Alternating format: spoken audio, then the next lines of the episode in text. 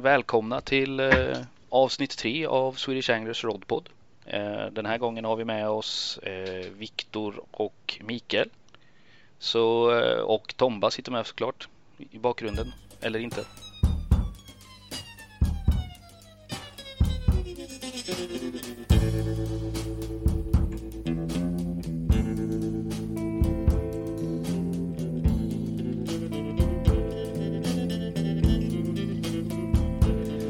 I've had enough of your bullshit to last me a lifetime. So get out of here. I don't want to see you around here anymore. Ni kan väl eh, börja med att presentera er lite så folk vet vilka ni är och eh, anledningen till att ni är med i den här lilla specialaren kring mäsk. Ja, jag kan börja. Viktor Allensjö, eh, 37 år från Linköping. Fiskat i snart 30 år i alla fall. Eh, uppvuxen i Svartån så har ju metet varit ganska naturligt val, tycker jag. Eh, och både jag och Micke samarbetar ju med eh, Lasse Lennartsson då på Swedebait. Att, eh, vi ska gå igenom eh, allt möjligt eh, om mäsk och mäskning ikväll tänkte vi. Ja, eh, Mikael Sentio heter jag. Jag är 40 år ung. Eh, jag har väl hållit på och fiskat sedan jag var nio någonstans. Det har väl blivit ganska mycket spinnefiske för mig inledningsvis till jag träffade herr Hallensjö. Met, jag började ju meta såklart, som de flesta som börjar fiska. Men sen eh, vart det ju specimenfiske för hela slanten ett gäng år där. Sen så följde jag tillbaka till gäddträsket ett tag. Men nu är jag tillbaka sen ett gäng år tillbaka här och metar på för fullt. Så jag tänkte väl försöka att bidra lite i, i, i podden här med mina tankar och så. Men Viktor är väl gurun. Så, ja. Yes. Ja, det ska bli intressant. Mm. Eh, ska vi dra? Vi har ju alltså ställt upp ett gäng eh, frågor här. Så jag tänker vi börjar med fråga ett och sen så får vi lite se hur det fortlöper. Det Ja, är frågorna är vi, ju alltså, vissa är väl väldigt enkla medan andra är mer invecklade så att det ligger på alla nivåer här. Ja, och de kommer kanske inte i någon logisk ordning heller för det är inte alltid så logiskt när vi håller på med någonting. Eh, Men så är det. Men vi börjar med fråga ett i alla fall tycker jag va? Eller vad säger du? Ja. Yes. Mm. Okej, Mm. fråga ett. Eh, gå igenom vad mäsk är, vad det innehåller och hur mycket. Ja, eh, största delen är ju rostat ströbröd, eh, Eh, brunt eller vitt. Eh, det finns ju olika, det beror på lite vad det är för bröd man använder. Oftast är det något belgiskt bröd, eh, nu kommer jag inte på exakta namnet på det men eh, eh, mycket fiskmjöl eh, använder de i, i många mäsksorter också. Eh, lite olika eh, tillsatser. Det kan vara eh, partikelbröd, Eh, malda pellets, eh, hela pellets, eh, eh, massa det är raps, eh, rapsmjöl, majsmjöl för att få naturliga oljor i mäsket. Eh, Lite olika eh, som binder eh, och sådana som inte binder. Ja, och dofttillsatser om man vill ha sött eller stinkigt. Då. Eh, sen, sen varierar det lite hur, eh, hur mycket eh, ja, hur mycket av tillsatserna man använder. Eh, jag brukar på 5 kilo eh, mäsk så har jag ett kilo hampfrömjöl och sen 200-250 gram dofttillsats. Sen varierar ju partiklar och sånt lite efter årstid och art och sånt. Eh, som nu, nu när det är sommar och hög, högsommar ute och varmt i vattnet då kan man ha mycket partiklar och mat och det i mäsket för de har ju sån hög ämnesomsättning nu så att det, det går ju åt på en gång. Är det kallare i vattnet då ska man ju vara lite försiktig med, med, med maten i mäsket då, ty, tycker jag. Vad, vad kommer alla de här mjölen och alltså mal ni bröden själva? Köper ni in bröd någonstans i stora Eh, jag, kö- ja, jag kö- köper in eh, ströbröd. Eh, eh, det, det är ju mest från Swedbait och han har ju nästan alla eh, produkterna. Sen kan man ju även hitta i eh, mataffärer Eh, det finns en eh, utländsk butik här i eh, Linköping som har mycket oljor och nötter och sånt som man kan använda med Skeptons. Att, där kan man göra riktiga fynd faktiskt. Mm. Ja, det är coolt. Men om man ska komponera sig en ett mäsk för brax i stilla vatten. hur går man tillväga alltså? Hur tänker man stilla vatten? Ska det vara mindre bindande, det vill säga mer fiskmjöl eller någonting åt det hållet? Eller? Ja, ja, ja, det tycker jag. Eh, pellets eh, är ju... Ja, eh, malda fiskfoder, mald fiskfoder, fiskmjöl, koppra melass. Det binder ju mäsket rätt mycket. Så att, men ska man göra bollar och kasta ut så är inte det någon nackdel tycker jag och ha eh, mäsk som binder så man får ut bollarna. Mm. Så, inte de, eh, så inte de spricker upp. Eh, det har man varit med om några gånger att i kastet då, så spricker bollarna upp och så sprider man ut mäsket på för stor yta helt enkelt. Mm. Ja, det, det, har man ju varit med om. Det är riktigt ja. irriterande. Mm. Ja. Mm.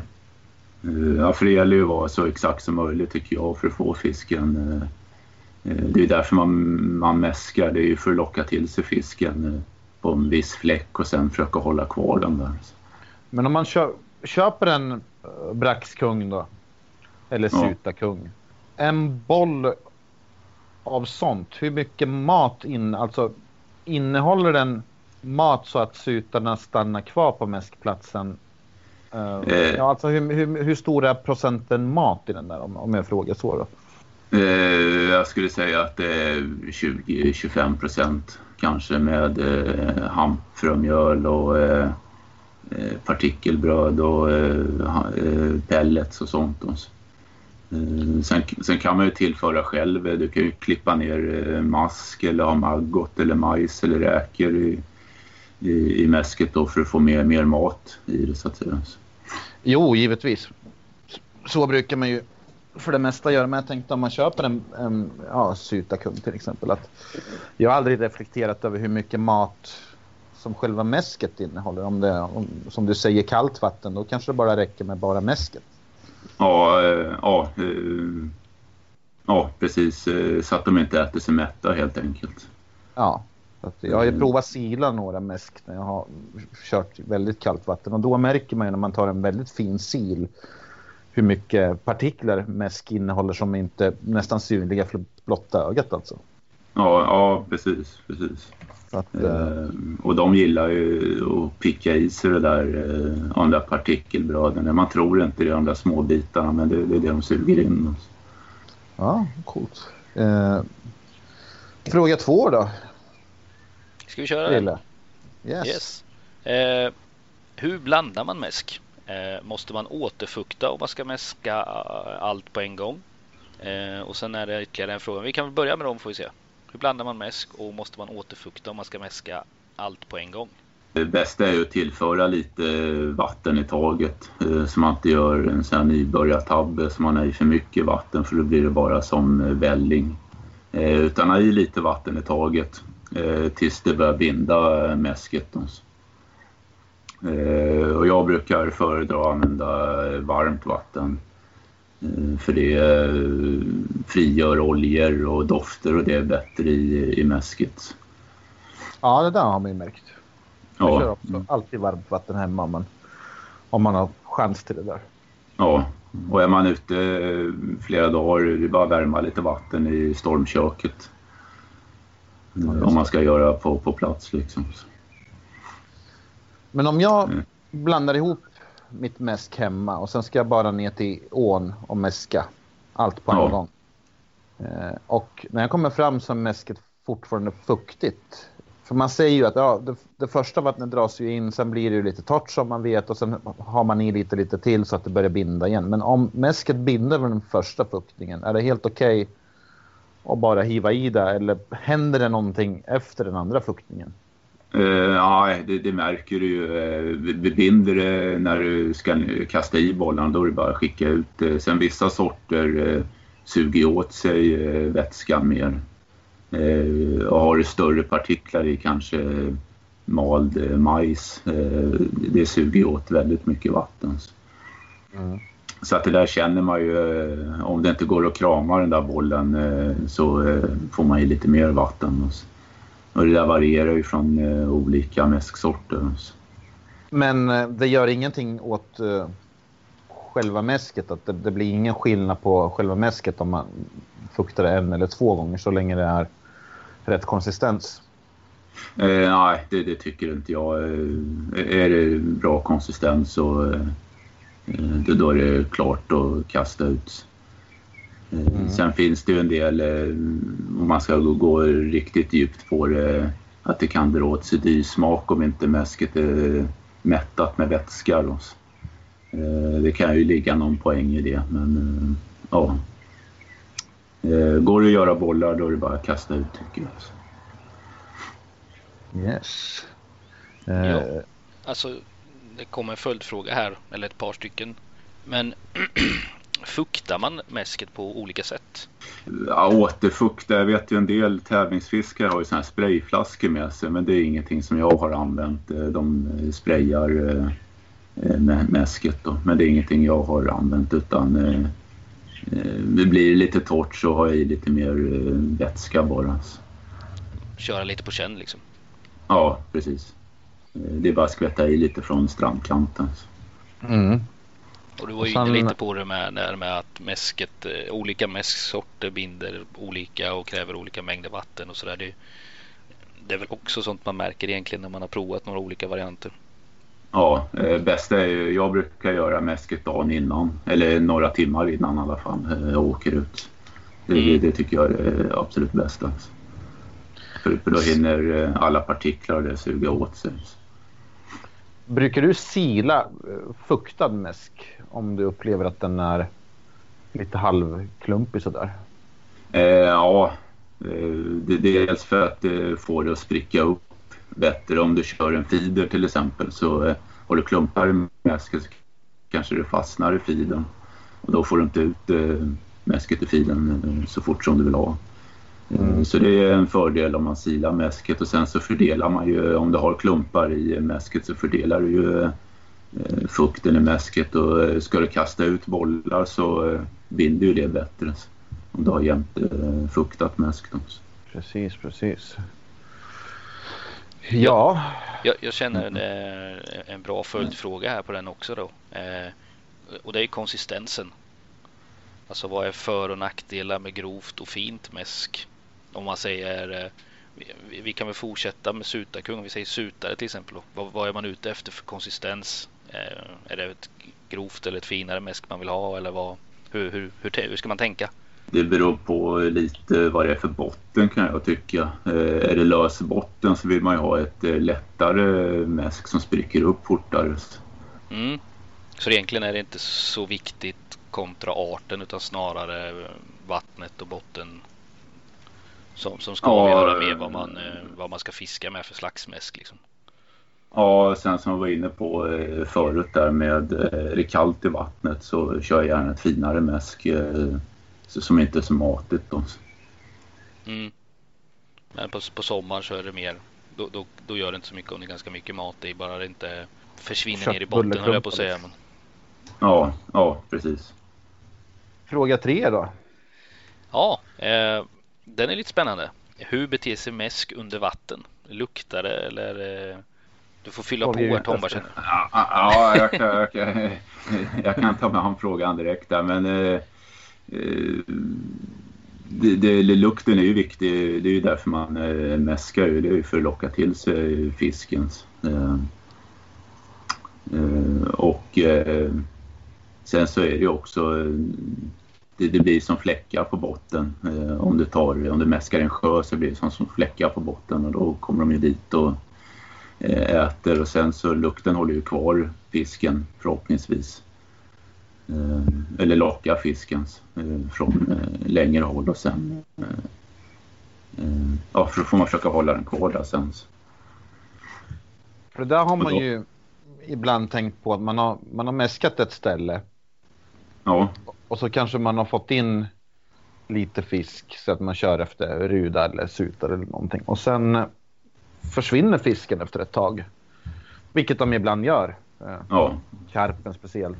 Eh, Och då börjar man tänka att eh, ska jag kasta i mer mäsk? Eh, Men säg ja att det jag kastar i vara... fem, fem bollar. Om jag efter två timmar kastar två bollar till, alltså tillför det mer i attraktion.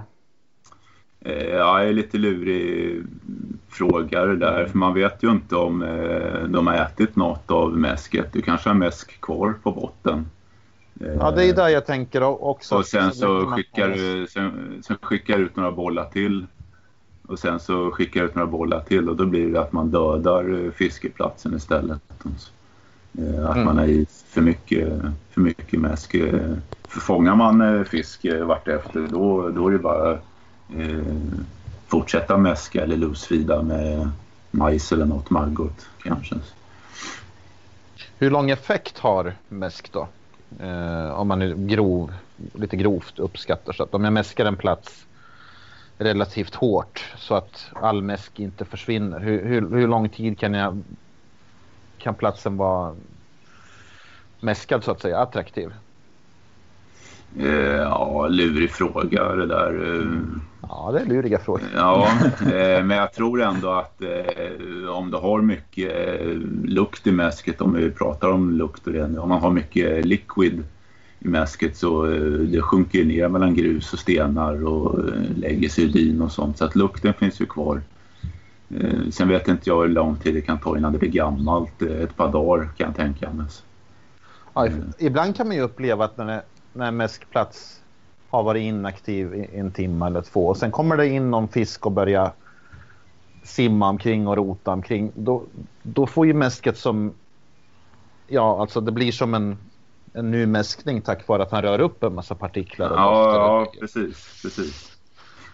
Då kanske det är bättre att vänta. Att man kanske bara kastar in någonting för attraktionens skull. Någonting väldigt litet men att man ska inte börja mäska Ja, man kan ju...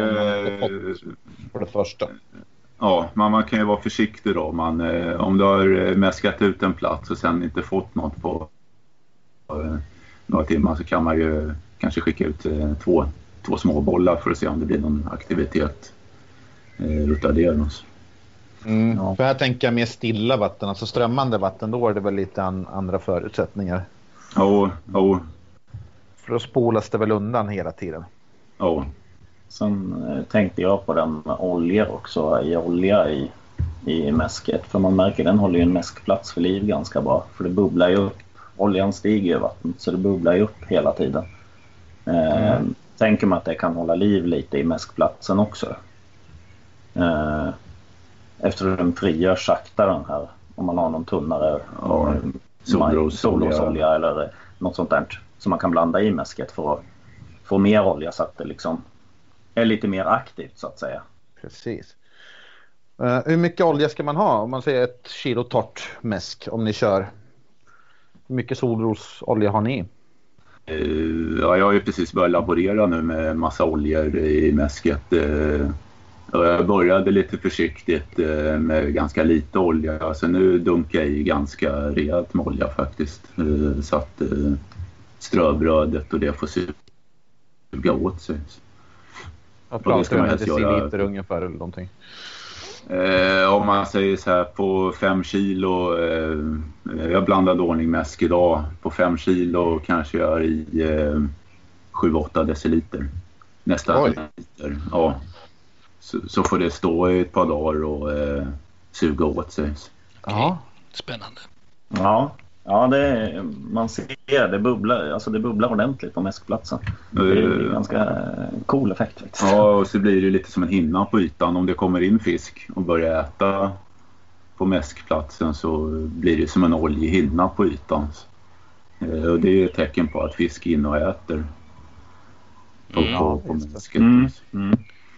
Ja, jag, jag har kört lite med, med lite olika oljor sådär någon eh, ja, hampaolja och lite sådana saker. Då ser man ju bra som du säger att det stiger ibland sådär. Ja. Men, eh, men man har ju inte haft i eh, några större mängder om man jämför med, med, med, med detta nu då. Så det låter ju rätt spännande. Det måste man ju prova. Mm. Ja, det är ju, jag försöker ju Jag tycker det är så kul eh, med, med mäsk. Alltså, man testar det och man testar det. Jag antecknar hemma i ett anteckningsblock eh, resultat och allting utav eh, olika mäskblandningar, hur mycket jag har haft i och sånt. Så att, mm. För speciellt Färna när jag, när jag kör Färna. Då försöker jag ha i en massa grejer som, man kör ju alltid strömmande vatten som, som strömmen ja. Till exempel räk, mm. Eh, skala räkorna hemma och sen hackar jag både huvuden och skal och har i lite bröd och sånt där. Och ja. proppar i feeden. Och, och då ser man ju att eh, de flyter ju med strömmen lite så att det blir ungefär som en stig till, ja. till betet. Och, och, det har funkat jävligt bra både för ja, laxfiskar och uh, färna och i dem, mört och allting. Att, mm. Försöker man använda strömmen som som oljan då, att den för, för bort en massa partiklar och grejer då. Ja, mm. ja jag testade också på Färnan i, i vår här och testade med lite pellet som jag hade boostat lite grann med lite parmesanost och lite grejer, lite trout pellets. Ja, det känns som att jag fick dem till Ja, jag mm, mm, försökte väl att sprida en del så att det spred sig runt men sen så kanske ha större koncentrationer i ett bakvatten så att de kanske sjönk ner en bit. Då. Eh, men jag tyckte väl ändå att det gav ändå en ganska god effekt.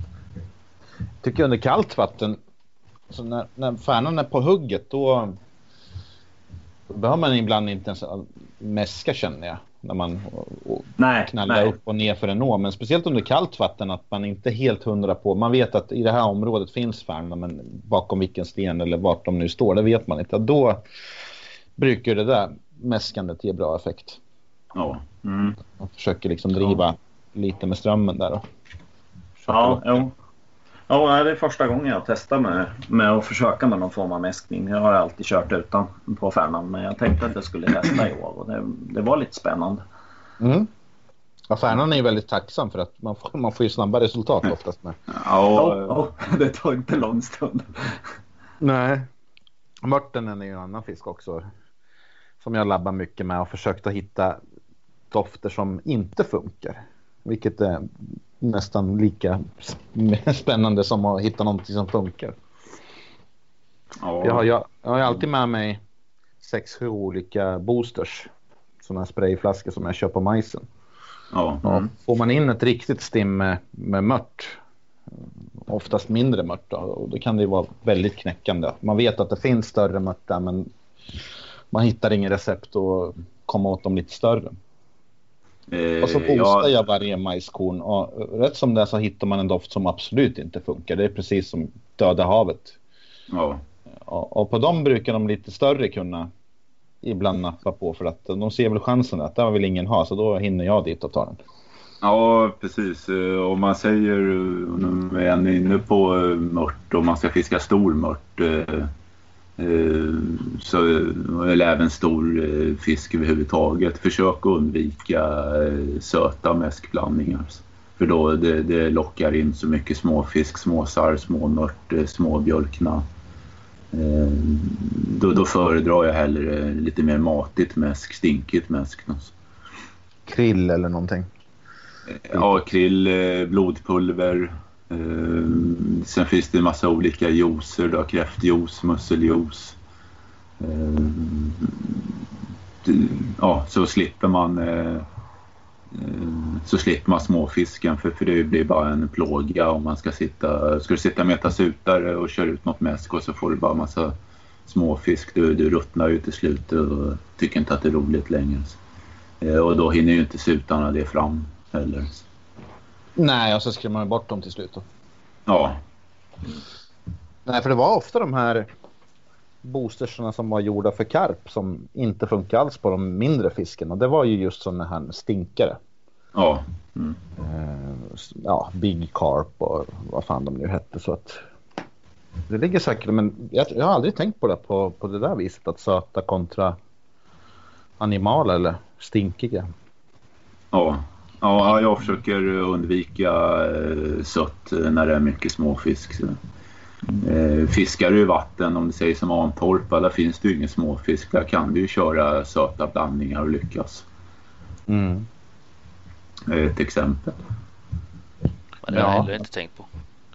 Fast nu när jag sitter och funderar på det så fiskade jag i något vatten för typ två år sedan och då använde jag rätt mycket sött och då fick jag ju väldigt mycket mört när jag försökte få sutare och nu när jag testat och kört igen så har jag ju kört med mycket mer stinkande grejer och då har jag ju inte fått någon mört i stort sett men desto mer sutare. Ja, Så det, det ligger ju Eh. faktiskt någonting i det. det. Varför har man inte sett det för innan? ja. Eh, enda gången eh, sött kan vara till fördel det är ju när det är riktigt kallt i vattnet. Eh, för då är inte småfisken lika aktiv. Då, då, då kan det faktiskt vara tvärtom att eh, det, det söta på våren där eh, eller senhösten, eh, början på vintern är nästan bättre. Mm. Intressant. Ja, för vet ko, kokosvanilj eller vad fan det var vi använde. Den funkar jättebra under kallt vatten och mörtburar och sånt där. Ja, Det var en riktig höjdare så att. eh, Ja, det ligger väl någonting i det. ja, Tycker den Pescaviva-majsen där eh, märker man, det får man inte så mycket småfisk på heller. Inte när vi kört i Ljungsjön där. nej, Kontra om man boostar med någon. Alltså, jag har ju testat Underliners olika eh, liquids och dips och sånt och de är ju ganska söta och då har det ju varit ett riktigt mört härke. ja eller bara små, små sarvar. Ja. Medan eh, Pescavivan där har inte gett nästan någon småfisk. Nej. Sen vet Ja. man inte om eh, pescarivan där. Det är lite olika färger på det. Det är lite intressant Ja, också. En del ja. är röda, en del orangea. Om, om, det, eh, om det spelar någon roll, eh, det, det har jag faktiskt inte tänkt på förrän vi pratade om det. Ja, ja men det, det är rätt spännande med färg också ibland. Att eh, majset kanske sticker ut på ett annat sätt också. Jag har nog alltid röda majskorn med mig nästan när jag meter. Eh, oavsett. Jag har, om inte jag färgar hela burken så har jag en dipp som jag dippar dem i och då är det ju just rött och den har ju varit helt outstanding alltså. Eh, Ja. Förmodligen för att den sticker ut från Mm. Man kör med feeder och kör man efter mört då har man ju rätt så mycket majs i feeden. Och Ja, har man ett korn som är eh, rött så brukar ju den ge effekt då. ja, Och sen samma att jag försöker ofta köra majskornet eh, paternoster att jag har den väldigt högt upp så att den nästan svajar i strömmen. Ja, brukar också kunna ge lite större mört då. ja, Och mer mört framför allt då. Mörten är ju den beter väl sig ungefär som en öring. Den väljer ju ofta strömsatta steniga ställen, står upp och trycker bakom stenar då. ja, Ta saker som kommer med strömmen och sånt där så att de är ju inte främmande för att hugga en, ett majskorn som flaxar i strömmen. Det är inga problem. nej. Eh, nu när vi ändå pratar om färger och sånt, färger på mäsk. Eh, du pratar om rött där. Nu har inte jag så mycket erfarenhet av just rött mäsk men eh, jag vet inte om någon av er som har, som, som har testat det. Det skulle vara, eh, eh, vad heter den, eh, Expo. Har ju kört en Mm. del på sutar. Mm. Ja, den har jag med använt. Men annars så har jag nog aldrig kört direkt någon färg på mäsket så. Ja, eh, Krill- det kanske. Krillmäsk brukar väl ofta vara lite röda. Om jag tänker på det, ungefär som den här Amfetta Bream som ni har lanserat. Ja, Den är mm. väldigt, den är inte röd-röd. Ja, lite orange kan man säga. Ja, men jag har väl aldrig märkt att det skulle bli någon jätteresultat. Men sen kör ju inte jag i vatten som är så hårt mäskade och fiskade heller så att jag tror Ja. att fiskarna är bara glada om det kommer mäsk. Då kommer de som en, som en raket där. Men Ja. skulle man köra någonstans i någon kanal där det mäskas dagligen då, då kan det ju vara att ljusa mäsk bildar en matta där som, De- som är ljus så att de skyggar för det där då. Ja. Eh, ja, för det många föredrar ju då eh, mörkt eller nästan svart mäsk då, om det är klart i vattnet eller om det är hårt fisketryck. Då. Så där kan man väl använda till både till sin fördel och nackdel tänker jag. Ja. Att, eh, är fisken inte van med mäsk då kanske man ska ha ett mäsk som syns. Och Ja. vice versa då. Ja, Det är det som är tanken med färgerna. ja, Ja, det är väl inte färgen så som lockar in fisken att det ligger en stor hög med rött mäsk. Liksom. Det tror jag inte i alla fall. Ja, det kan Eh, det väl göra. Men vem vet? ja. Det kanske är det. Alltså, mot stenbotten till exempel, då kan ju rött synas från långt håll. Men jag menar, är det mycket mäskat, då skyggar de ju för det där istället. Det kan jag tänka mig att det finns en, en logik någonstans. Ja, ja. ljust och mörkt är ju, har man ju förstått, det är stor skillnad på beroende på vad det är för, för slags vatten. Liksom. Grönt eller rött eller blått mäsk. Ja. ja. Man kanske ska testa att bara köra ett illrött mäsk. ja, jag vet inte, men det fanns ju för några år sedan fanns det ju sån här eh, det kanske finns fortfarande eh, sån här pulver som man hade i, eh, i mäsket då för att färga det. Men det var ju mer populärt i Europa tror jag. Att de provar lite olika färger på mäsket. Jag har provat dem där lite grann men sen gick jag över och färgade betorna med det där istället. Jag tyckte det var bättre. Ja. Mm. Just majs och sånt där. Och så köpte jag sån här ja, meat dye eller vad, vad det heter. Något kött. Ja, den, en sån har jag också. Gul och ja. röd och vad det finns för något. Ja, den är ju kalas. Den är kalas. Ja. Den, den, brukar ha i boostern. Alltså jag har en flaska med olika dips eller boosters och sen färgar jag hela skiten. Och vill jag bara ha ett rött bete så doppar jag i den i burken då. Slipper jag ha en ja. hel burk med röda beten med mig. Ja, det kanske är nästa där man ska börja laborera med olika färger på mäsk. Det, det, det får bli en utmaning här i framtiden. Testa. Ja, men eh, en räka till exempel, det kan man ju färga gul eller röd väldigt, väldigt fort.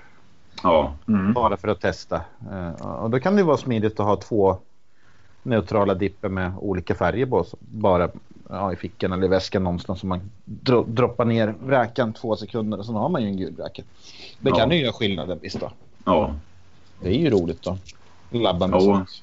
Ja, jag tycker det är så, sånt där som jag sa innan. Det är så kul att hålla på och testa och laborera. Man skriver ner eh, och allt sånt där. Så det, ja, jag tycker det är skitkul. Och sen så är det ju så. Man blir inte världsmästare om man går i andras fotspår. Man måste ju komma med något nytt hela tiden något nytt tänk eh, hela tiden. Ja, så är det ju. Och sen till slut så står man vid ruta ett igen och undrar vad fan som händer. Ja, och i och för sig, men då är man ju, de har ju lärt sig av det ja, förhoppningsvis. Ja, men vissa år, jag har haft några år där jag har boostat och kört som fan och testat och labbat och försökt att hitta någonting. Och sen har man hittat något som funkar och nästa dag funkar det inte alls. Och, eh, och summan av kardemumman det är väl att man man kan göra skillnader en dag eller en vecka eller någonting. Men man kan nog aldrig hitta någonting som alltid funkar utan där får man ju vara aktiv. Ja, ja precis. Det är ju som eh, om du skulle spinnfiska till exempel så eh, får du ingen fisk eh, så får du testa dig fram hela tiden tills du hittar ett bete som funkar för dagen. Jag kan tänka mig att det är lite likadant inom eh, metet. Mm. Man får hitta melodin för dagen helt enkelt. Ja, eller årstiden eller eh, vattnet eller... Ja, det skiljer sig ja. mycket från vatten till vatten och så väldigt mycket. Ja. Visst finns vatten som vi kör i som är väldigt svårt. Ja. Eh, som vi håller på att labba med än så länge men ja, jag tror väl att vi har börjat lyckas, lyckas knäcka koden lite men det, det är inte lätt alltså. Ja. Det är ett ganska ofiskat vatten också. Så Um, ja men så där är det ju. Jag, jag var ute i, igår, metade lite sutare. Och innan har det varit liksom bara mäsk och eh, mask på kroken. Funkat varenda gång. Ja. Igår så bara simmade de förbi masken. De brydde sig inte alls om det. Så ja. jag gick ner i krokstorlek och satte på ett majskorn som jag dippade och slängde ut och det tog väl inte mer än 10 sekunder så satt första suten. Ja. Mm. Så det, där märker man ju skillnad att vissa dagar så vill de verkligen inte, de bryr sig inte. Man såg ju av, av allt bubblande runt omkring masken och flötet som gungar hela tiden att de var ju där men det var liksom ingen som aktivt tog masken på något sätt. Nej, Nej även där med mask känner jag ibland att det är olika sorter. Det finns ju olika sorters mask och de luktar väl förmodligen lite olika också. Att de kan fungera lite olika bra också vad man har för sorts mask. Ja så kan det säkert också eh, min, jag tycker väl personligen till fiske är det ju de här klassiska riktigt feta vanliga daggmaskarna. Alltså de här riktiga daggmaskarna har ju funkat väldigt bra. Ja. Medan ibland kan några ettriga lövmaskar om man ska eh, som en liten bläckfisk var också effektivt liksom så men, men eh, Sen, sen har jag hört också att eh, vissa, mm, eh, vissa maskar har någon juice i sig, alltså eh, ger ifrån sig någon lukt som fiskarna tydligen inte gillar. Ja, det har jag med hört någonstans. Det ska finnas någon Ja. mask, men jag vet inte vilken det är. Eh, ja, för det är det. De har suttit och fiskat och sen har de inte fått något och så har de bytt mask och då har det nappat direkt. Så Ja, att, eh, Ja, för det bästa Mm. är väl oftast det är så, ungefär som en spinnfiske och sånt. Att man ska ju labba Mm. när metet eller fisket är bra.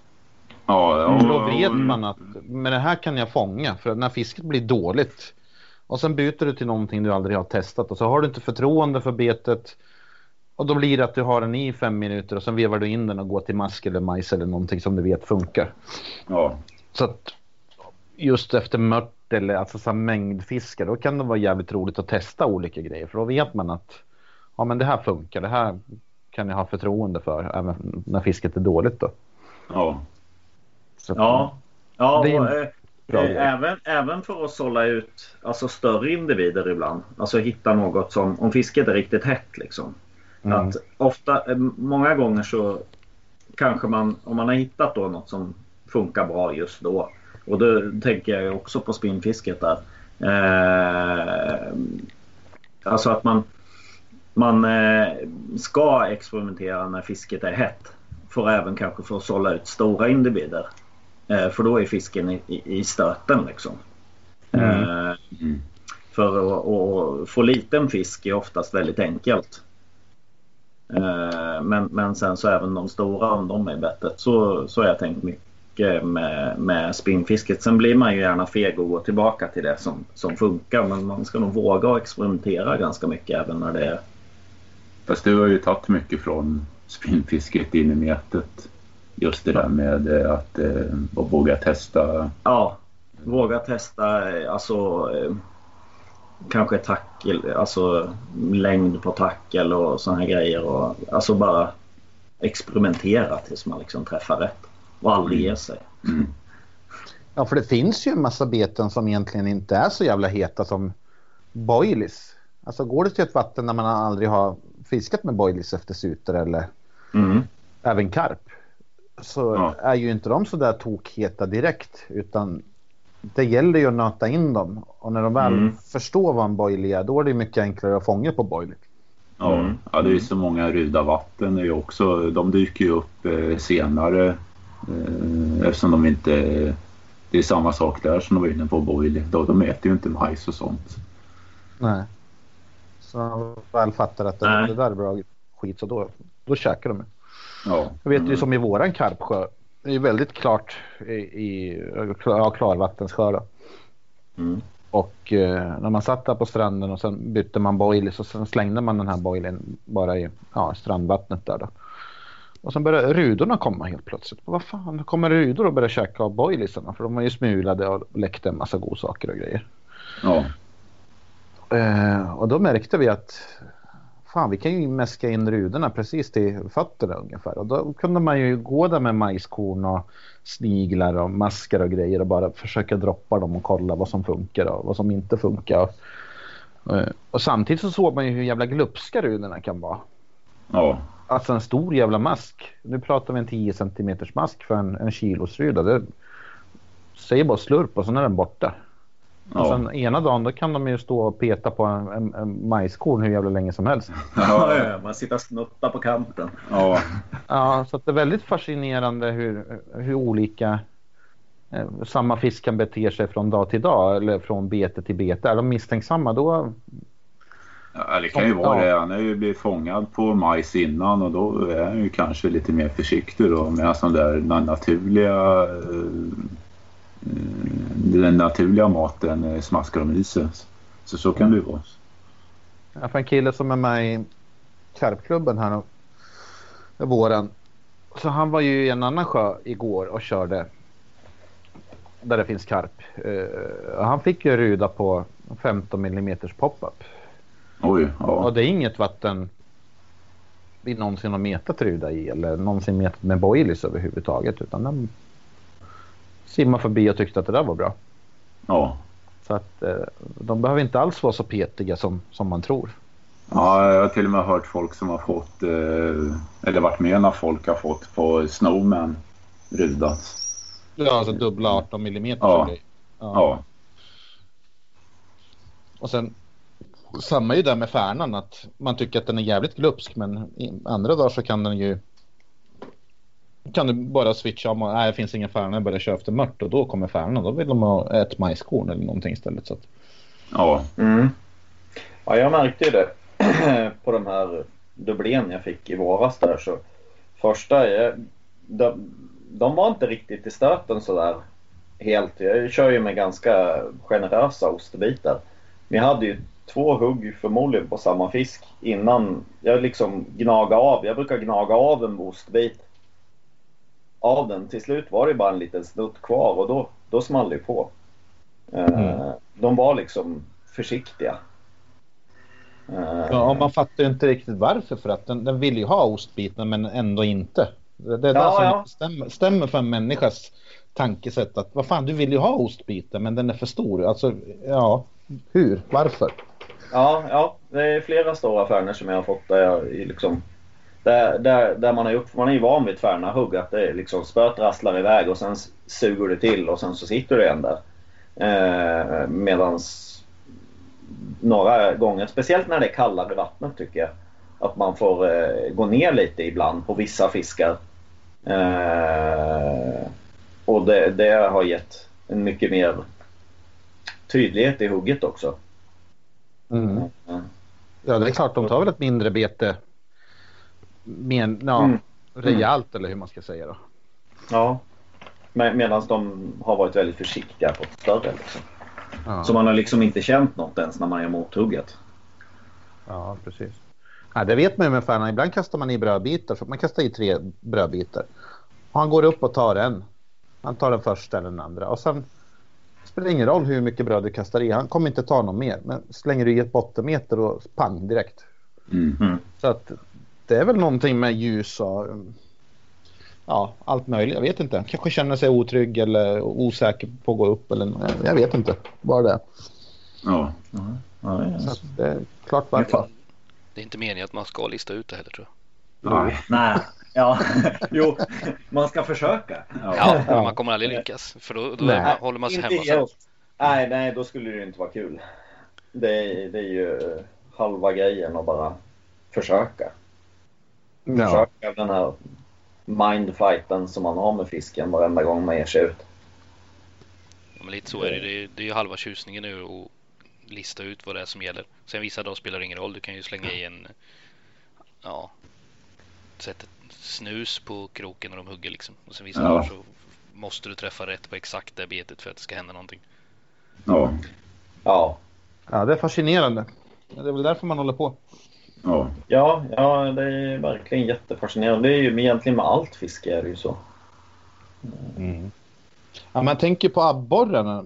För det ser man ju så tydligt om, om det är helt vindstilla man står, eh, står i båten. Och sen, du har inte sett en abborre på hela dagen och sen helt plötsligt i samma sekund så börjar de jaga över hela sjön. Mm. Och då tänker man att de kan ju omöjligtvis ha kontakt med varandra. Alltså, eftersom man ser kanske några hundra meter åt alla håll. Då. Så att någonting måste ju hända. Som Alltså, triggar ja. alla abborrarna bara att bli så där galna som de kan bli. Jag- jag tror att det ljuset, eller... Ja, ja, jag tror det. Och sen så tror jag, jag har märkt det många gånger när jag fiskat abborre att det aktiviteten, att det sprider sig som en löpeld. Ja, det fast det kan börja nästan samtidigt. du vet, ja, som vid ett ja, ja, till exempel. Då kan det ju bli. Men då förstår man ju att då är det ju någonting som händer. Det börjar smälla och regna och allting. Men alltså när det är vindstilla och inte ett moln på himlen eller någonting. Och så tänker man att varför, varför börjar de jaga just nu? För två minuter sedan så var det exakt samma förhållanden men det hände ingenting. Nej, det, det där är ju jäkligt intressant. Jag vet ju sjöar som, eh, som vi pimplar mycket i för och sådär. Du kunde ju nästan ställa klockan. Att klockan åtta, eller klockan, ja inte åtta då, men, men eh, klockan eh, tre på eftermiddagen på det där grundet. Då kommer det ett stim in. Alltså det var nästan som att ställa klockan Mm. varenda gång. Och det måste ju vara någonting som styr. Jag tror, jag tror det har mycket med ljuset att göra. Ja, det måste väl vara så. Jag menar, karpar de kommer ju går... Det är nästan som att de har sina stigar eller hur man ska säga, rutter som de tar runt sjön olika tider på dygnet och året. Mm. Då vet man ju att ja, men i den här sjön mellan 12 på natten och 5 på morgonen, då är det hett just här. Och då brukar man nästan alltid få karp där. Mm. Sen, sen, vet man ju att ja, men då behöver inte jag fiska efter 5 på morgonen för jag kommer inte få någonting. För att de, de kommer inte vara här eller de kommer inte vilja käka eller... Så mm. det är ju sådana grejer. Man kanske har knäckt en liten grej men då ska man ju knäcka resten också. Ja men vad fan gör de resten av dem då? Vart är de? Mm. Så ja. det räcker ju inte med den här perioden på fem timmar där på, mitt i natten. Det är ju inte tillräckligt för mig i alla fall, utan jag vill ju ha dem Nej. på dagen med. Ja. Men eh, visst har de sina rutiner, så är det väl med alla djur. Mm. Människor, hundar, katter, karpar. Ja, sutare ja. tycker jag också. Eh, sutare är väldigt, känns rutinmässiga. Uh, tycker jag. Ja, den enda fisken som är det är väl Färnan som brukar vara aktiv nästan när som tycker jag. Ja. Det, är sällan, det är sällan den bangar. Det kan vara mitt på dagen på sommaren eller mitt i natten på vintern. Den, den ställer gärna upp och, och käkar. Ja, det, ja. det är väldigt sällan ja. den är. Det, det, på eftermiddagen brukar det vara lite sådär ibland. Mellan typ ett och fyra. Ja, då brukar det, det, då brukar det inte vara det bästa fisket. Men sen vid runt 17 då därifrån och framåt ja. så brukar det vara riktigt bra. Mm. Ja. Och sen är det just som vi var inne på olika stora, alltså vill man ha de stora fiskarna då, då märker man ju både på gädda, borre, färna, karp, sutare, ruda, alltså nattetid eh, är ju oftast bäst för storfisk. Ja. Alltså, eller ja, då ja. de, det kan vara att de mindre fiskarna inte är lika aktiva så att du sorterar ut mycket av de mindre och bara får de här större så att man upplever att det är bäst tid att fiska för storfisk. Men man vet ju på natten, det är sällan man får sådana här kilosgäddor utan får man en gädda då är den oftast den bättre. Ja, ja de blir ja. mindre skygga. Eh. Ja, jag tror det skyddar mörkret där. Ja. Alltså mm. att det ökar aktiviteten för dem. De har ju blivit stora av någon anledning. Liksom. Det... Ja, och sen det känns som... de säkert andra fiskar som är aktiva på natten som gösar och suter och sånt där. Ja, ja, ja. det är väl specialister. Ja. Garanterat. Ska vi gå vidare i mäskandet? Mm. Yes. Ja. Vi var inne och snurrade lite på bostandet där så vi kan väl backa tillbaka till grundregler. Strömmande stilla vatten, textur, konsistens. Ja, vad ska man tänka på? Jag tror det är där ute efter Tomma va? Eh, ja, alltså. Ja, det förstår man väl säkert hur, hur det ska kanske vara, men finns det någon...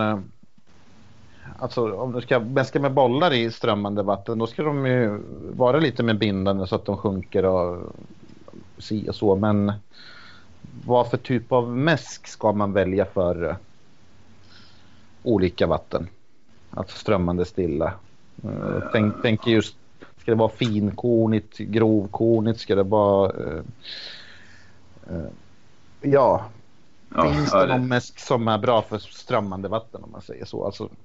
Eh, ja, det, har, det beror på lite. Kör man strömmande vatten då kanske man eh, ibland kanske man vill eh, ha hårda bollar som ligger på botten precis där man fiskar. Ibland så kanske man vill ha ett lösare mäsk som sprider sig ner i vattnet och lockar fisk och, och, och stiga eller vandra upp mot mäskplatsen.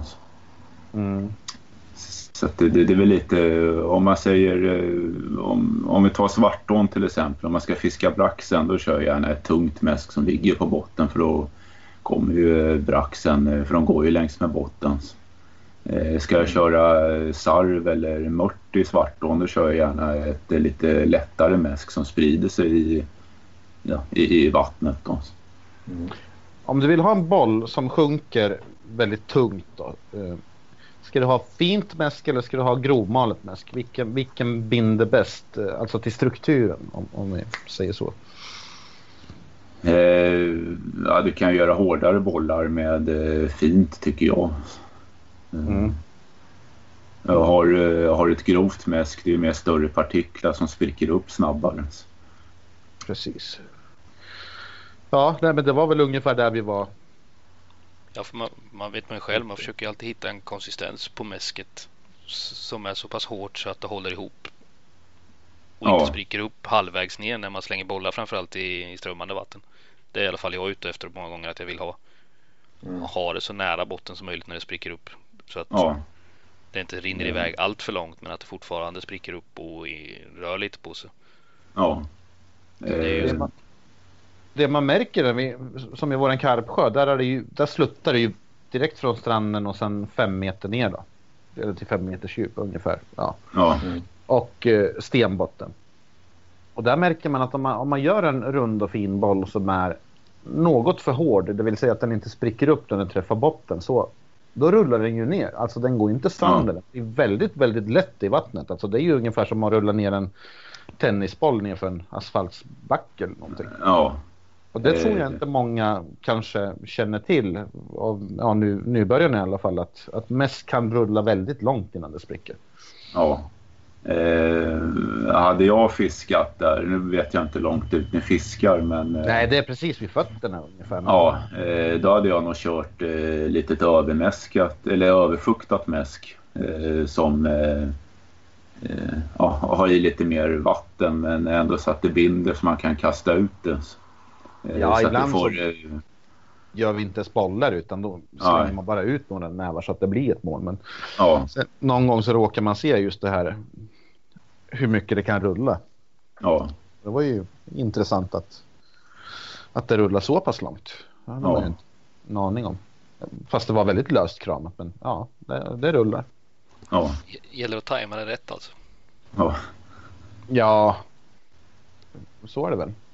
Stilla vatten, då föredrar väl jag i alla fall att den spricker nästan när den träffar utan. ja, Och, och sprider sig, om det inte är allt för djupt då. ja. Eh, Man, eh, det är ju inget jag har använt men eh, le- lera och sånt kan man ju ha. Det är väl mer för tävlingsfiskarna tror jag. Ja, eller koskit man- som Kaj Jonsson. Ja, ja precis. Eh, För att få ner det till botten. Och så. Ja, vi labbade lite med torv en gång. Inte för att vi tyckte att det var bra, men vi kom inte över någon mäsk och vi läste någonstans att torv kan vara en bra substitut till en ströbröd. Så det var alltid Ja. brist på ströbröd. Så vi drog till en natt till växthuset och snodde en sån här 50 kilos bal med torv och mäskade med den där skiten. Och det funkar inget bra, det kan jag tala om. Ja, okej. Ja, Ja, Ni, hade i alla fall, ni, ni kunde ju testa med. Ni Ja, märkte men vi var snart typ- att det funkar inte. Ja, men vi var typ 13 bast och det fanns ju inte en fiskebutik i hela Sörmland som sålde mäsk. Så, och man ville mäska. Man gick och köpte du vet, de här ströbröds... Ja, lådorna som man har till panera fisk. Vad är det? 500 gram i en sån där kostar Ja. 10 spänn. Det vart ju rätt dyrt i slutet. ja, Och så gick vi till bagerier och hämtade gammalt bröd och malde själv. Och det, ja, det vart ju hur som helst. Men, men det funkar ju. Men ja. det var klart en spännande tid. ja, jag vet det, när jag var grabb då snodde jag ju morsans eh, ströbröd och sen eh, hade i eh, jordgubbssaft och sånt. Eh, för, för att få, eh, ja, för att göra mäsk liksom. Så, Ja. Men det funkar ju. Ja, ja, Speciellt i feeder så där, där kan man ju faktiskt använda vanligt ströbröd och ja, ha i där man typ anis eller någonting sånt där som man hittar i vanliga butiker. Då. ja. Yes, eh, lukter för olika arter står det här. Hur komponerar man ett mäsk för sutare till exempel? Då tänker vi Swedbait då. När ni tar fram ett mäsk för Ja, ponera att ni tar fram ett, en mäsk för sutare. Hur, hur tänker ni då? Eh, Det är lite som jag var inne på förut, eh, så lite sött som möjligt egentligen. Mm. Eh, blodpulver, krill. Ja, mer animaliska produkter. Mäsk baserat på fiskmjöl. Pellets. Ja, lite sunt förnuft nästan kan man säga. Ja, Ja. Ja, pris. Vad är det rimligt att kvalitetsmäsk kostar per kilo? Och vad är kvalitet? Ibland läser man ju på någon reklam att det här är riktig kvalitetsmäsk. Vad, vad är man ute efter då? då? Eh, ja, det är ju ingredienserna helt klart. Eh, som eh, tycker jag gör ett kvalitetsmäsk. Att det naturliga råvaror i, i mäsket. Så, som, och kan vi äta det så kan fiskarna äta det. Liksom.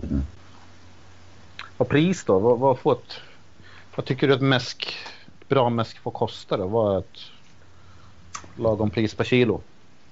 För du kan ju hitta eh. mäsk för under 20 spänn kilot om du letar på nätet även i Sverige. Men eh,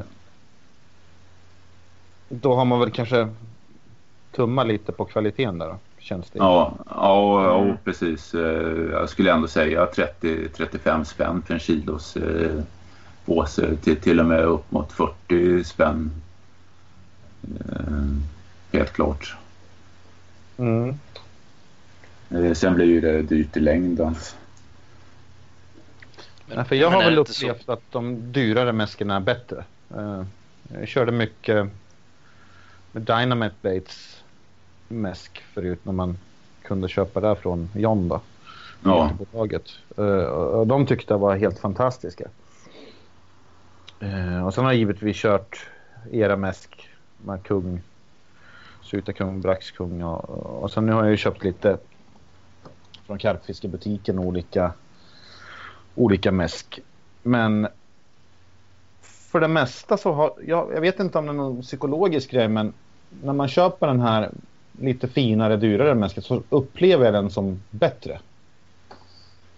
Ja, ja men det, det tycker jag också. Eh, helt klart. Så att det är värt att lägga en 10 extra per kilo för att få? Ja, ja det tycker jag absolut. Tycker jag. Eh, om man tar de där, eh, om man tar Swedblades dyra, lite dyrare mäsk krillkung och amfetamin. Köper man en 20 kilo 6 då, då blir det under 30 spänn, precis under 30 spänn någonting tror jag. Så att det är bättre att köpa på sig större säckar. Alltså. Och om mm. man vet att man ska mäska mycket. Då. Men, men om man köper en sån säck då, vi säger 20 kilos. Eh, hur, hur lång tid kan man ha den hemma? Alltså innan det blir ett ja, eh, för dåligt höll jag på att säga. Men det... det beror på lite vad det är för eh, råvaror i. Eh, jag vet ju, jag hade ju någon säck eh, med rudakung som eh, den, den höll knappt ett år. Eh, så sen blev det ja, tappa smak och lukt och sånt där. Så, eh, men jag tror eh, ja, upp mot två år i alla fall, en sån här 20 kilo sex. Eh, så får man ju tillsluta den ordentligt sen också när man, eh, när man stoppar undan det igen så att säga. Finns det någonting, eh, alltså hur märker man att ett mäsk är gammal? Säg att jag köper en påse med någon mäsk som jag aldrig har testat och öppnar den. Finns det någon, någonting som talar om för mig att det här är gammalt mäsk? det finns inga datum bäst för eller någonting på mäsk vad jag har sett i alla fall. Ja, jag vet att uh, Van den har ju bäst före datum på sina påsar. Uh, jag brukar märka att uh, när du ska, om du uh, fuktar mäsket och sen ska göra bollar, då är det nästan så de flyter iväg. av någon anledning. Alltså bollarna sjunker inte. Det, det, det låter märkligt men... Eh, det hade jag häromdagen. Ja. Jag hittade, hittade en gammal säck Sutakung som säkert har legat i garaget i tre, fyra, fem år någonstans. Ja. Jag tänkte det där kan jag ju förmäska med. Och slängde i tre, fyra bollar innan jag insåg att alla flöt. Ja. Eh, jag kan, ja, jag kan, faktiskt... det, är, det är lite roligt. Alltså, först sjunker den en bit och sen plupp kommer den upp på ytan och sen sjunker den igen. Det har hänt ligger den där och guppar en stund, sen försvinner den. Men ja. den, och ligger den, den spricker ju inte upp någonting heller. Det var ju det som var så roligt. Den låg ju mest där. Ja, man tänker vad fan är det här nu då? Liksom? ja. Eh, jag kan faktiskt inte svara på eh, varför det blir så, men eh, det är ett tecken på... Dels så luktar ingenting längre och sen... Ja, det blir konstig konsistens av det när man har fuktat upp det. det som du säger, det flyter iväg. Den sjunker ner en bit och sen flyter den upp igen. Liksom. det, det blir liksom, det är ju mycket vad ska man säga, typ bageriprodukter och sådana saker i en, i en del mäsk och sådana saker som man använder sig av som när de blir gamla så blir de ju alltså det blir luft i det kan man väl säga. Ja. Eh, så då, då, blir det ju att det, det, det, det suger inte åt sig längre utan det, det, tar stopp. Man kan nästan säga att porerna blir stängda på det. Ja, ja. Eh, för det är likadant om du tar ett extremt torrt bröd så tar det ganska länge innan det blir blött liksom. Ja. Eh, om ni undrar så är jag utbildad bagare en gång i tiden. Det är därför jag Ja, okej. Okay, ja. Mm. så, så, jag inte sitter här och, och eh, googlar torrt bröd och sånt där. Utan det, det, finns en tanke bakom vad jag säger. Mm. eh, men, men det var ju lite spännande. Har du provat själv att baka bröd med olika smaker och sånt? Och, eh, och fiska ja. på sen. Som, som en del eh, brukar baka eget bröd till multe till exempel. Ja, jag, jag, jag har faktiskt inte gjort det men jag är extremt sugen på att testa på, på vissa saker. Så där. Det hade varit lite roligt att se. Man, till exempel Färna om man skulle kunna märka någon skillnad. Jag tror ju inte det för jag tror att de går på det visuella. Men ja. multen vet jag folk har sagt så här. Ja, jag har gjort brödet grönt så har det varit mycket bättre. Ja, ja. Eh, och det är rätt, rätt intressant tanke. Alltså vad är det som gör att just färgen grönt funkar mycket bättre?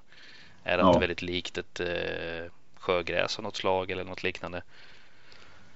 Men ja, eh, ja jag får väl ta och prova då. Ja. Det tänkte jag när jag gick i butiken och skulle köpa bröd en gång. Att, tänk om man skulle baka bröd som var i stort sett en enda lång kant bara. Om köper en baguette och det är ju kantbitarna du vill åt liksom för att kunna kroka den bra om du kör på ja. crustet då. Och sen det här innanmätet, det, det, har man ju inte så mycket för om man inte använder den. då tänkte jag, ja. fan, man skulle baka en sån här baguette som är tunn som en ja, snusdosa ungefär och lång. Och så har man bara kant rakt av. Vet du, vilken dröm. Ja, så man får ut, eh, man får ut allt av brödet liksom. Ja, men det är så, han, Martin Bowler gör väl det. Han testar väl med olika sponge cakes och grejer och, och sånt där för att få lite flyt i just i färnan och så. Som ja. man blandar tillsammans med pasta och lite sånt. De, men ja. Eh, i England sam... har vi väldigt konstiga ja. saker också. Ja, ja, men det finns mycket kul att, att snappa upp lite små grejer lite här och där och, och testa lite. Även om det svenska fisket är ju annorlunda så. Men, eh, min sambo hon brukar baka lite bröd här hemma så jag brukar alltid gå och provdra i det om det är liksom segt och doppa lite i vattnet. Och, eh, nu har hon faktiskt bakat en laddning till mig här med det vart, det vart för segt för att äta men det tyckte jag fan det blir klockrent att fiska på. För det, även, även det vita vart lite mer ciabatta-segt sådär. Så jag tänkte att äh, det blir spännande att testa. Ja, men ciabatta är bra. Speciellt i Färna. Jag tycker den är kalas. Mm. Jag brukar ja, köpa gillar, på Lidl. De har ju ja, här... precis. Jag skulle säga Lidl ciabatta. Det, det är nog det bästa brödet du kan ha eh, till, till allt. Id, Färna, mörtsarv.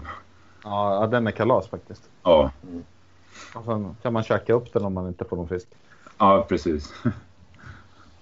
Eh, jo, sen tänkte jag, står här eh, mäskande i Sverige versus kontinenten, skillnaden. Men då tänkte jag mest eh, som era mäsk, de här kungmäsken, de är ju väldigt grova i strukturen om man jämför med många eh, engelska och belgiska mäsk och sånt där som man köper. Att är en, finns det någon strukturell skillnad på mäsk vi använder i och som tillverkas i Norden kontra den från England och Belgien?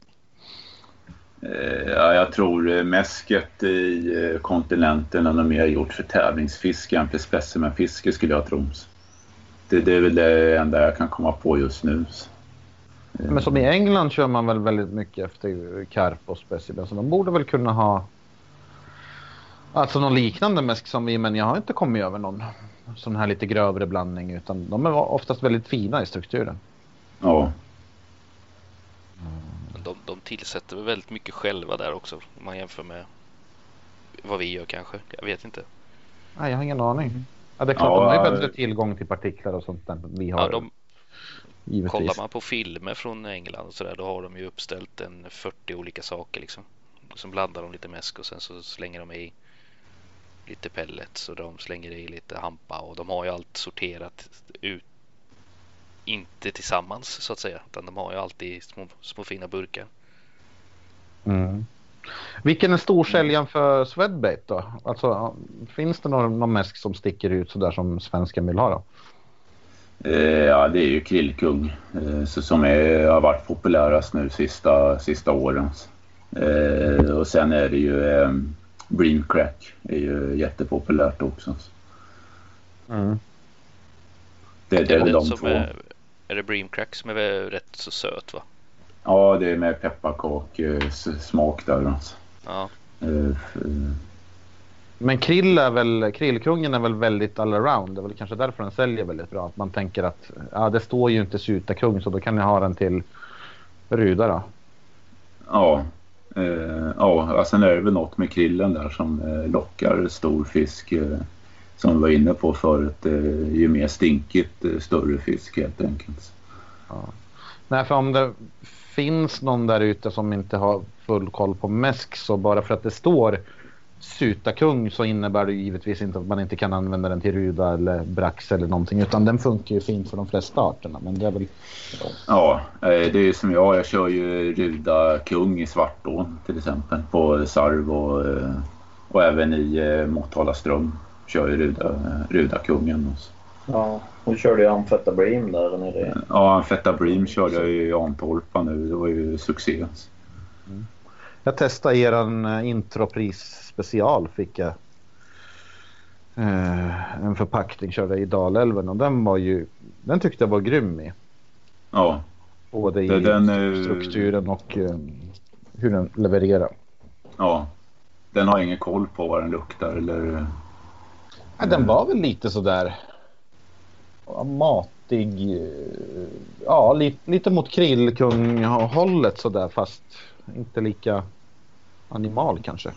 Ja, Man ska beskriva den. Men den, den, var, den kändes väldigt fin i alla fall. ja. Den var, den var bra. Ja, ja vi har ju eh, i alla fall några blandningar här nu som vi håller på att testa oss fram och som förhoppningsvis då ska eh, finnas på marknaden till nästa år. Eh, är målet i alla fall. Eh, Något du kan släppa. Eh, ja, vi håller lite på det. Vi ska testa lite till. Men, Eh, men det funkar bra på Ruda i alla fall. Ja, det, det, har, det, det har funkat bra än så länge. Mm. Eh, Den, den blandningen. så. Ja. Så, så förhoppningsvis, vi håller lite på det. Vi ska testa det lite till här. Hur mycket av olika delar som ska vara i mäsket. Mm. Spännande. Så att, eh, ja. Det är kul. Det kommer lite nytt med. ja. Mm. Eh, Och det känns ju lite som, eh, nu kommer vi in på fråga nummer 10 här. Har mäsket ökat, eller mäskandet ökat i Sverige eller är det fortfarande en subkultur med några få utövare? Jag tycker jag ser en stigning eller en ökning i, i metet. Eh, Även om det går långsamt liksom. Ja, helt klart. Men där skulle jag nog nästan säga, jag har jag är väl ingen expert på fiskehandlare sådär, men den som vi har i Eskilstuna han säger ju att så fort de tar in mäsk och feeders och sånt där så de tar ju slut nästan direkt. Ja, Eh, dels är det många av de här gästarbetarna från Polen och Lettland. ja och Olika det har vi länder. här i Linköping också, eh, de två butiker vi har. Och då säger de det är mycket eh, ja, så sådana som kommer in och köper. Men även svenskar kommer in. Ja, men problemet är ju att de flesta butikerna, de bara, men vi säljer ju ingen mäsk. Nej, men när hade ni in, mäsk inne senast? Ja, det var på 80-talet. Ja, Ja, kanske, kanske därför. För att, Kan vara förklaringen. jo, jo, Ja. men om en människa köper sitt mäsk i en butik så då kanske man bränner av 50 kilo per år eller 100 kilo eller 20 kilo beroende på hur mycket man fiskar då. Och börjar han snacka lite att det här funkar jävligt bra och kan påvisa att det funkar bra för regnbåge eller några andra fiskar, alltså då kommer det ju öka. ja, Och då märker ju folk givetvis att man kanske vill ha lite lättare grejer, olika flöten, krokar sånt där. Så att, eh, jag tror problemet med metet är att det är så jävla inriktat på just metarna. När man inriktar me- metet på den vanliga fisken. Abborrsmetan eller eh, gäddfiskan och mäska in löjen eller you name it. Lake, öring som jag har mäskat mycket efter. Då märker man hur jävla intressant och roligt och framförallt effektivt det är med mäsk. Ja. Att Ja. bara ta med sig lite blodpulver och groundbait i Norrland och kasta upp i någon sjö. Alltså det är ju så effektivt så man skäms ju nästan att använda det där. Ja. Ja, det är som det eh, där eh, rödingmäsket eh, som Swedbait har. Det är jättepopulärt där uppe i Norrland. Mm. Så jag tror att just, ja, inte metarna men de som kanske säljer metprylar, de borde väl kanske rikta in sig på en ny grupp och försöka komma in bakvägen så att säga. Ja, För att där finns ju potentialet. Metarna vet ju exakt vad, vad som finns, vad man kan köpa. Så att den marknaden kommer nog förmodligen inte bli jättestor direkt men nej. Får man ut det till en helt ny målgrupp och försöker göra metet lite coolt igen eller ja, you name it så då kan det ju hända saker. Ja, absolut. Det är så jag tror. Att eh, man ska alltid pracka på folk som aldrig metat att nej nu ska du börja feedermeta efter björkna. Det är klart som fan de inte vill feedermeta efter björkna men en abbo- abborrjiggare kan ju kanske tänka sig att flötmeta efter abborre. Ja, För då är man fortfarande inne på samma art som han är. Och märker han att själva metandet efter abborre är kul, ja då kanske det är kul att meta färna eller karp eller någon annan fisk. Då fastnar man kanske mer för metet på så vis. Så att ja, man har nog tänkt lite fel där med att försöka få in en torrflugefiskare och fiska ruda. Alltså det går ju inte. nej. Ja, det fin- finns ju en del att, att tänka kring där helt klart om man om man som handlare vill utöka det lite. Ja, Jo, och sen kunna visa vad man kan an- använda det eller vad man kan använda det till. Att det inte bara är just de här vitfiskarna utan man kan ska in löjorna till ett ställe så att abborrarna kommer igång eller lake eller öring eller regnbåge. Eller. ja, Jag, tänk, jag tänkte på det där du sa med abborren. Mäska en plats och sen jigga där sen. ja. Ja, det är ju som man eh, sitter och eh, fiderfiskar. Eh, Det dröjer ju inte länge för man får in gädda på platsen. Nej, Nej, det ska Nej, gudarna veta. Ja, Och det, är- är det, har det är inte så dumt att använda sig av heller.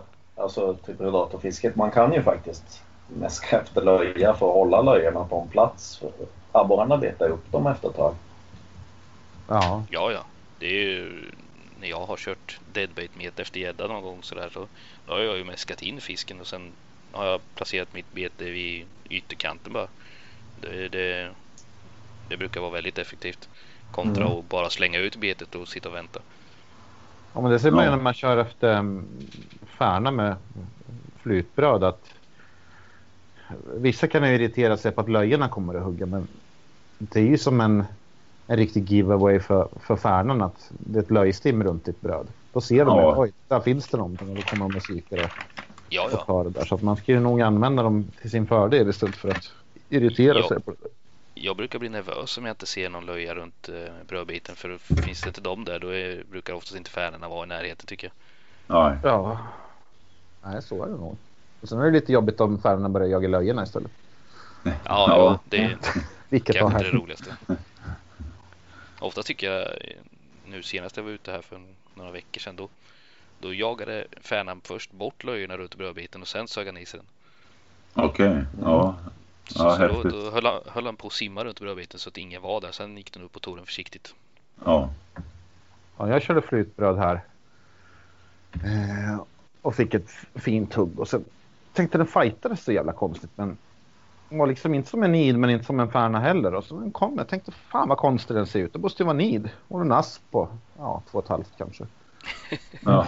ja. Det har faktiskt hänt mig också i Svartån. Eh, Det var inte Ja. jag som fick den men eh, eh, polaren fick en asp på flytbröd. Jag har även fått gädda på flytbröd. Ja, en kompis fick ål. Det är också en Ja, väldigt udda fångst. ja, ja, bottenmeter. Men ja, Ja. men i alla fall. Liksom, så. så att det är ju grymt effektivt. Ja, ja vi fick ju ål i kusten när vi metade levande med löje för några år sedan. Bara någon meter under ytan. Ja, Då gick de Ja. Aktivt på dagen gick upp och jagade. Jo, men det gör de nog. Jag tror att ålen är väl väldigt missförstådd som fisk. Att man ska bara fiska den på natten och i botten. Utan det, det stämmer nog inte alla gånger. Eh, Det kan man egentligen ta med alla fiskar. Eh, Mycket av fisken står ju egentligen i mellanvattnet. Eh, Karp, sutare, ruda, mört. Mm. Ja, Så så är det. ja, ett, ett grumlande mäsk kan ju vara bra också som, som stiger mot ytan. För att Mm. locka till sig fisk som, eller att det släpper partiklar och det från mäsket eh, för att sedan locka ner dem om de eh, rör sig mellan vattnet. Ja, det har jag provat några gånger. Att jag har smulat ner franskbröd i, i bollen innan jag kastar ut den. Och så slänger den på platsen. Och kommer det inte upp några franskbrödbitar då vet man ju att de är uppätna i mellanvattnet någonstans. Speciellt efter sarv och sånt där. Ja, Så det kan ju vara ett bra tips också att man har några partiklar som flyter upp. Och...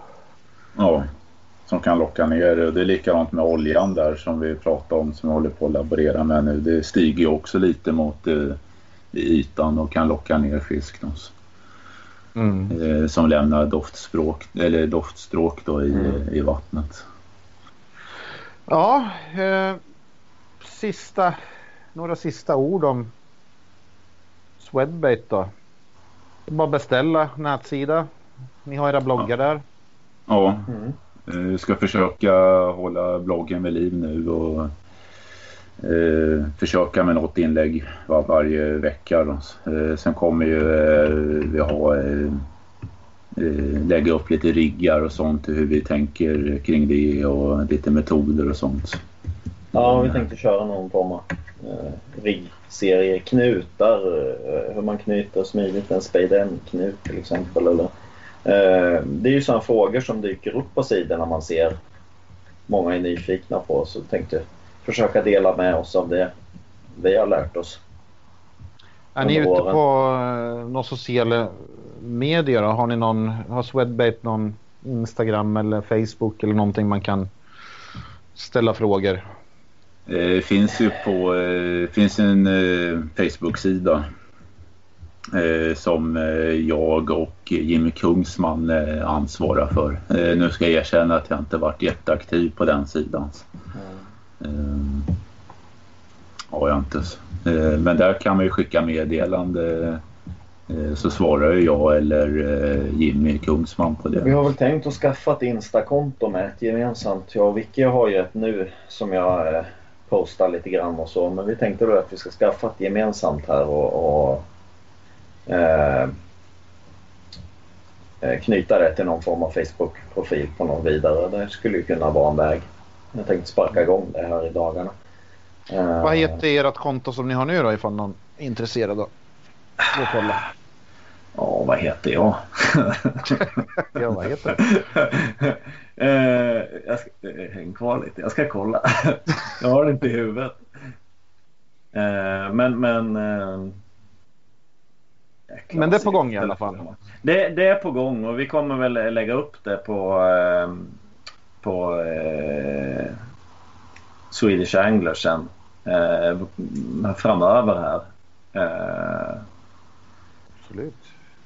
mitt Instakonto är sen 10 så sen ZN10 understreck SSH. Det är ju Swedish Specimen Hunters laget vi tävlar i svenskan. Yes. Men söker man på Mikael Sentio så tror jag man Ja, hittar. då borde man ju Ja. Det känns som det dyker upp där. Ja. Jag tror, jag tror att det har lagt det ganska öppet just av den anledningen. Så. Eh, det går ju alldeles utmärkt att skriva där. Men vi tänkte att vi skulle försöka och Jag har försökt att nappa lite på frågorna som dyker upp lite här och var och se tänka lite vad, vad man skulle liksom kunna ha för några ämnen i, i, i bloggen framöver. En riggserie eh, känns som att det skulle vara ganska kul att, att lägga upp. Det var ju, man märkte det var många som frågade när vi var på Sportfiskemässan där var framme och vi hade ju både ni och vi hade ju knutit upp olika riggar och lagt upp där och visat lite visuellt hur det fungerar och det, det är mycket lättare att se så. Jag tänkte precis komma till det där med mässan för att årets mässa kändes ju som att det var väl lite så här, vi visste ju inte riktigt hur det skulle bli eller någonting. Nu har man ju lite mer kött på benen men jag menar ni gick ju som tåget där. Det var jättemycket folk som besökte och var intresserade och köpte och kände grejer. Och... Ja, det var, det var, mm, det var, det var riktigt, riktigt roligt att få nörda ja. sig ordentligt och, och, bara prata fiske med, med alla de hända sportfiskare. Allt från eh, legender till, till eh, rena, rena nybörjare som undrar vart man sätter kroken på feeden. Men ja. den generella frågan för många var ju att mete ser så svårt ut. Eh, det ser så avancerat ut men det är ju det är absolut inte det är ju så avancerat som du vill göra det. Eh, man behöver ju liksom inte... Det går ju att nörda ner så djupt man vill liksom, men, men för att det ska vara roligt så, så räcker det ju med toppknutet och flöt och stänka en krok. Ja, men mete Eller... kan ju vara jävligt billigt. Alltså jämför man med gäddfiske där någon hemmasnidad bete kan gå på 300, en tafs på 100 spänn. Sen ska du ha lina, spö för 2000 spänn. Alltså ett fiderspö får du för 400 spänn. Rullen mm. behöver ju inte vara någon speciell. Nylonlidan får man ju nästan gratis och sen någon fiderkorg. Alltså, det är jättebilligt att meta om man, om man inte börjar meta karp då höll jag på att säga. Ja. Det, är väl där, ja. det är väl lite där det spricker. Alltså det är många som tror att man måste ha all utrustning när man metar karp. Det gäller liksom rubbet. Mm. Ja, men det är övernattning. Det blir mycket runt omkring sånt där som kanske gäddfiskaren inte använder. Det är sällan man har tält med sig när man fiskar gädda och matlagningsgrejer och eh, någon bord för riggar och sånt där. Alltså, det mesta köper man ju inte för att man behöver det utan bara för att nörda ner sig. Det är ju som ja. en investering till sitt eget välmående, inte för att man fångar mer fisk. Det är bara för att det här vill jag ha. Nej, ah, ja. Det är mest att ah, ja. de har fått, folk har fått den bilden av att du måste ha allt det för att kunna meta och det var väl lite det både vi och ni försökte påvisa på Sportfiskemässan tyckte jag i alla fall att mm. det behöver liksom inte vara så svårt utan du, du behöver ta ditt spö du har hemma ungefär och gå ut och mm. flötmeta lite. Jag börjar med det och testar liksom bara för att få känslan. Tycker du det är kul liksom? Och förmodligen så, så gör man ju det för det är ju det är roligt att få fisk liksom. Eh, och sen så avancerar man. Vi hade ju de som hade testat med sitt spö hemma som ville kolla och klämma och känna på ett feeder eh, eller quiverspö eller ett rent flötmetespö om man ska ha lite lättare flöten och sådana grejer för att få lite distans på lättare grejer och så. Grejer och så. Det, det, nej, det, var, det, var, det var riktigt kul att få stå där med grejerna för att det fanns inte många butiker i närheten som till exempel hade metspön eller flera olika metspön som man fick känna på. Så man fick känna vad är det som skiljer ett riktigt bra spö med ett lite billigare som absolut är helt okej. Okay. Eh, och det kostar inte så vansinnigt mycket. Det kostar ju ofta gången betydligt mindre än vad ett predatorspö kostar. Ja, ja, ja. Så är det ju. Och köper man sådana här trepack som vissa har kan du få tre spön för 700 spänn eller någonting. Om man är ett mm. gäng som vill ja. prova så det är ju inte så dyrt. Men jag tänkte på mässan. Nu, nu har ju, mm. vet ju inte jag alls hur det blir nästa år om, om det finns ett metertorg eller men om det nu skulle bli någonting så skulle jag i alla fall se jävligt mycket fram emot det. För då skulle man ju kunna förbereda sig på ett lite annat sätt också. Mm. Oh. Men ni, ni, som säljer kanske skulle kunna ta fram någon, någon riktigt billigt sätt, alltså börja meta för under tusen spänn till exempel. Någonting sånt där och kanske ta in beställningar och grejer och försöka. Ja. Alltså det är så mycket enklare den, den andra gången för nu vet man ju att men det här behöver vi inte ha med oss för det där var inte intressant och det där var jätteintressant. Ja, då tar man mer av sånt då. Ja, man lärde sig otroligt mycket på våra... Mm, vi har ju massa planer om det nu skulle bli aktuellt med mässan i Jönköping här nere, vilket vi hoppas på. Ja, ja jag hoppas också eh. Jag är tok på det där. Jag, tyckte det var, jag var bara där en dag, men jag tyckte det var skitroligt alltså. Det var riktigt, riktigt roligt. Ja, man var, man var ju lite nervös i början där. Eh, att det inte skulle vara så ja, tryck i våran monter, men det var faktiskt över förväntan. Hela metertorget tycker jag. Mm. Ja. Och sen, ja, men det, det, det, det var bra och det var genuint intresse från väldigt många som var framme och frågade och inte bara liksom ah, det där är meter, det kom så går vi.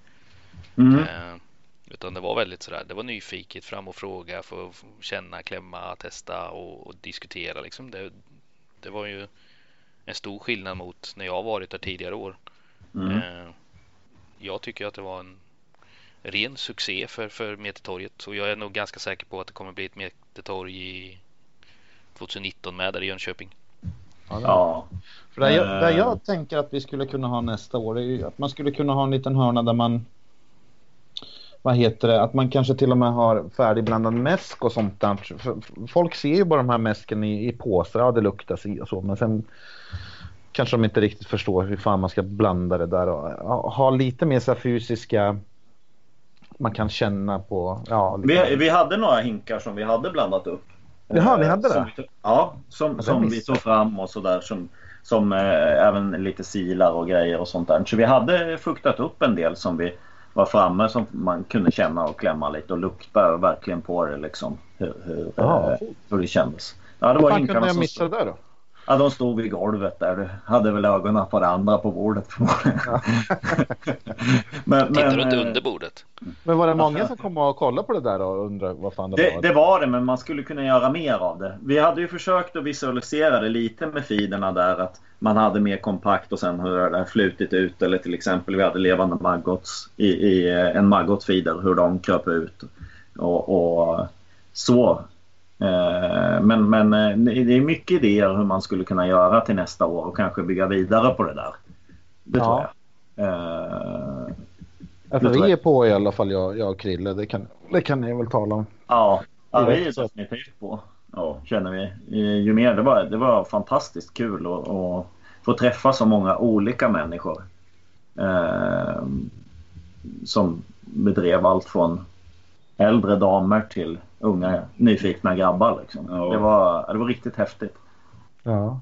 ja, det kom ju fram några människor som till och med kände igen den sådär att ja, tjena. Eh, och Mete som är så jävla smalt. Man tänker att fan, jag kommer inte känna en käft på hela mässan. Men det, man märker ju att vissa människor har väl ögonen öppna i alla fall. Även fast det kanske inte meter sådär. Så att, Nej. Och jag, tror, jag, tror, blickar jag lite. tycker, tycker jag känner i, i sociala medier också att det börjar dyka upp mer, mer och mer mete. Unga eh, tjejer och killar som det börjar liksom synas mer.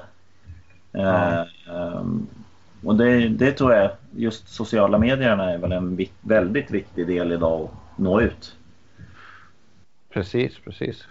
Och sen Metertorget, det är just att man kanske kan ha en sammanhållning.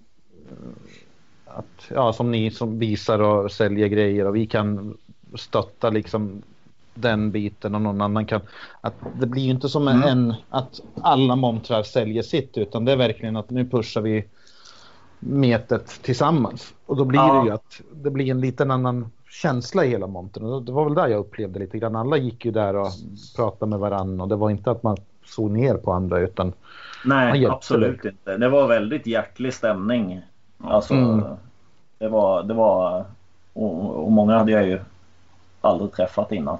Eh, men en del av dem har ju snackat med på nätet och sådär och så. Men eh, det, var, det, var, eh, det var en jäkla skön stämning alltså. Det var, ja, det var riktigt, riktigt roligt. Ja. yes. Eh. ja, vi får hoppas att det blir en fortsättning på det där. Mm. Ja, det får vi se till att det blir. Mm. Ja. Det, Yes, yes. Men eh, ja, det var väl där vi hade. Eller har du något mer Krille? nej, jag tror faktiskt inte det. Det känns som vi har täckt det vi ville och ganska mycket mer. Gästerna då? Har ni någonting ni vill klämma in? Ja, jag hoppas att eh, den här podden eh, ger en annan synvinkel på mäsk eh, eh, till, till de som metar. En del kanske redan kan allt men förhoppningsvis något matnyttigt. Mm. Ja, det var väl där Absolut. som var tanken att det ska väl vara väldigt så täckande från de mest basic frågorna till de kanske mer invecklade. Och det tycker jag väl att vi har fått igenom. Ja, min hjärna har gått igång här i alla fall. Ja, Ja. ja. Ja, jag kommer sitta och drömma med Eskil natten. Ja, ja, nu är det kört ju. Ja. Ja, gå igenom skafferiet här och sitta försöka hitta vad man eh, eh, kan hitta för något som kan eventuellt funka. Ja, Den, den felande komponenten. och- Ja, men det, är- det är mycket de här asiatiska, asiatiska affärerna brukar jag gå och spekulera mycket i. De har mycket roliga grejer. Ja, Ja, det har de. Mm, faktiskt. Ja, nej, men då får vi väl tacka Mm. våra gäster från Ja. Wedstate och Ja. eh, hoppas vi syns på mässan sen. ja, men det absolut. Ja, Det får vi ju se till att lösa. Ja. Ja, men det är lysande. Vi tackar så mycket och säger väl hej då då. Ja. Yes, hej då. Ja. hej! Hej!